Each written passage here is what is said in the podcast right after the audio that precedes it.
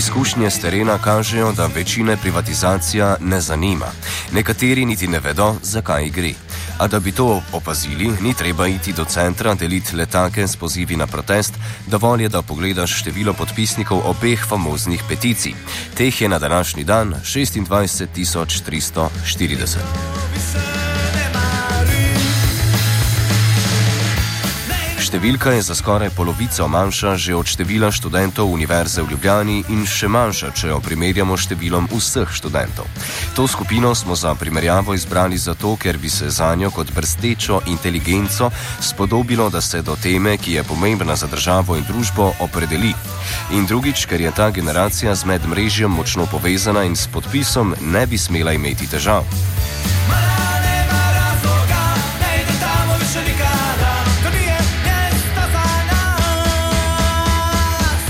A študentom in mladim v večini primerov dol visi za privatizacijo.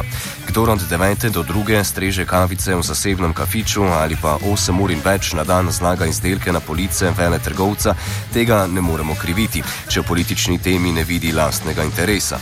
Nima niti časa, da bi se ukvarjal z družbenim konstruktom iskanja samega sebe, ker je 15. treba nakazati na imeno.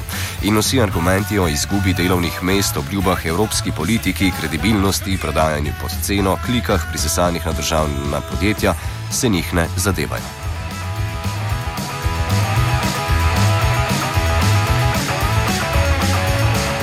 Kljub vsemu pa se velja ustaviti pri argumentu, ki ga večina politikov pogosto uporablja skoraj dogmatično. To je zelo splošen argument in obrazi, ki smo jih navajeni gledati na malih ekranih, po njem posežejo kot po asu iz rokava ko se znajdejo v škripcih neko temo ali način gledanja, označijo za ideološka. Pri tem sebe seveda postavijo v nadideološko oziroma neideološko pozicijo, ki ni omadeževana stranjo, s katere se na stvar gleda. A politiki se ne zavedajo, da je ideološko že to, da sami sebe označijo za neideološke. Zato je njihovo neprestano ponavljanje izogibanja ideologiji že prav komično.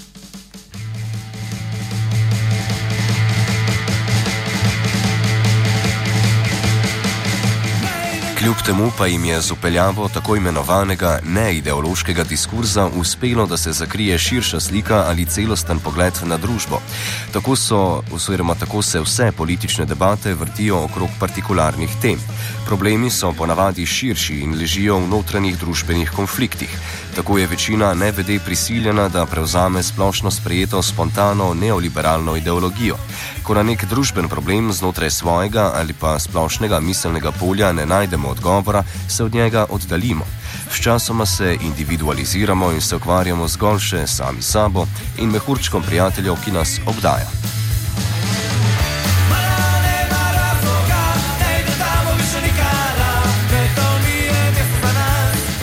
Še en primer, zakaj lahko pride do splošne od družbene odtujitve od politike, lahko vidimo v domnevnem prirejanju rezultatov stresnih testov slovenskih bank. Leti so bili osnova za višino dokapitalizacije. Odkritje nas niti malo ne preseneti, saj se je podobna zgodba pred nekaj leti zgodila v Združenih državah Amerike ob dokapitalizaciji njihovih bank. Ko so banke ugotovile, da so prevelike, da bi jih lahko država pustila propasti, so si bančniki s tem, da so lagali o višini izgub, priborili dodaten dolar ali dva.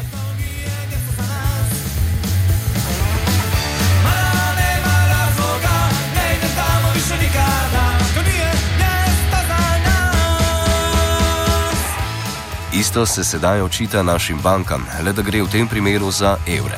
Bančnikom se je ob dokapitalizaciji moralo smejati, saj smo, smo ob, ob vse slovenskih ljudskih ustajah ob koncu leta 2012 in v začetku 2013 tisoči vzklikali: Ne bomo plačali vaše krize.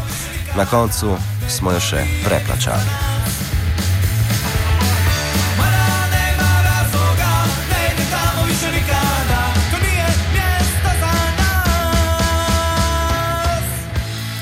Marsikomu je bilo najbrž že takrat jasno, da se tako ali tako nič ne da spremeniti.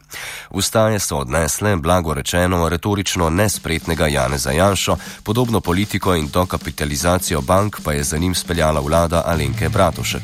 To, da politična stališča in odločitve posameznikov nimajo nobenih materialnih učinkov, ne vpliva spodbudno na motivacijo za družbeno udejstvovanje.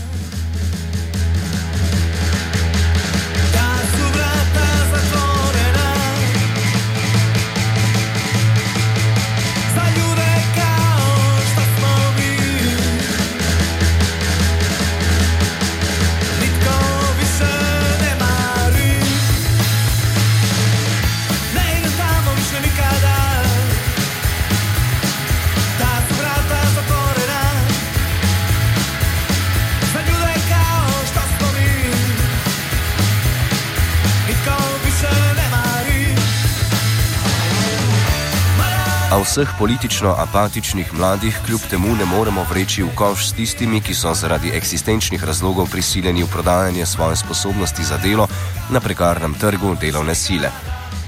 Zagotovo imajo, imamo tudi tiste pridne, ki so svojemu študiju tako močno posvečeni, da iz študijske literature sploh ne pomolijo nosa.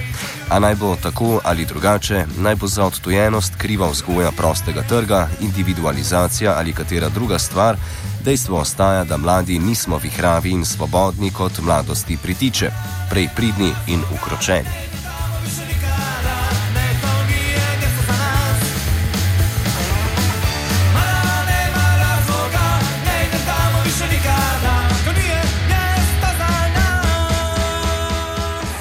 Vrnimo se nazaj k prvotni temi - lastninjenju državnih podjetij. Splošna družbena apatija vladajočim elitam ustreza, ni jim treba voditi kdo ve kakšne kampanje, dovolj je že, da večina ostane nezainteresirana in postopki tečejo dalje. Zato je na mestu, da zaključimo z aforizmom v srbo-hrvaščini. Ima onih, koji misle drugačije, ali je njihov broj zanemarljiv v odnosu na one, koji ne misle uopšte.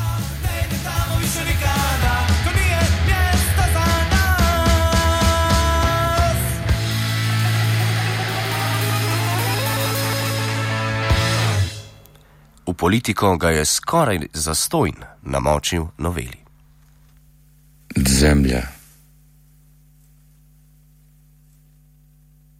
vazduh, voda, vatra, vlast. Če že privatiziramo tovariši, potem privatizirajmo s polajočimi zastavami.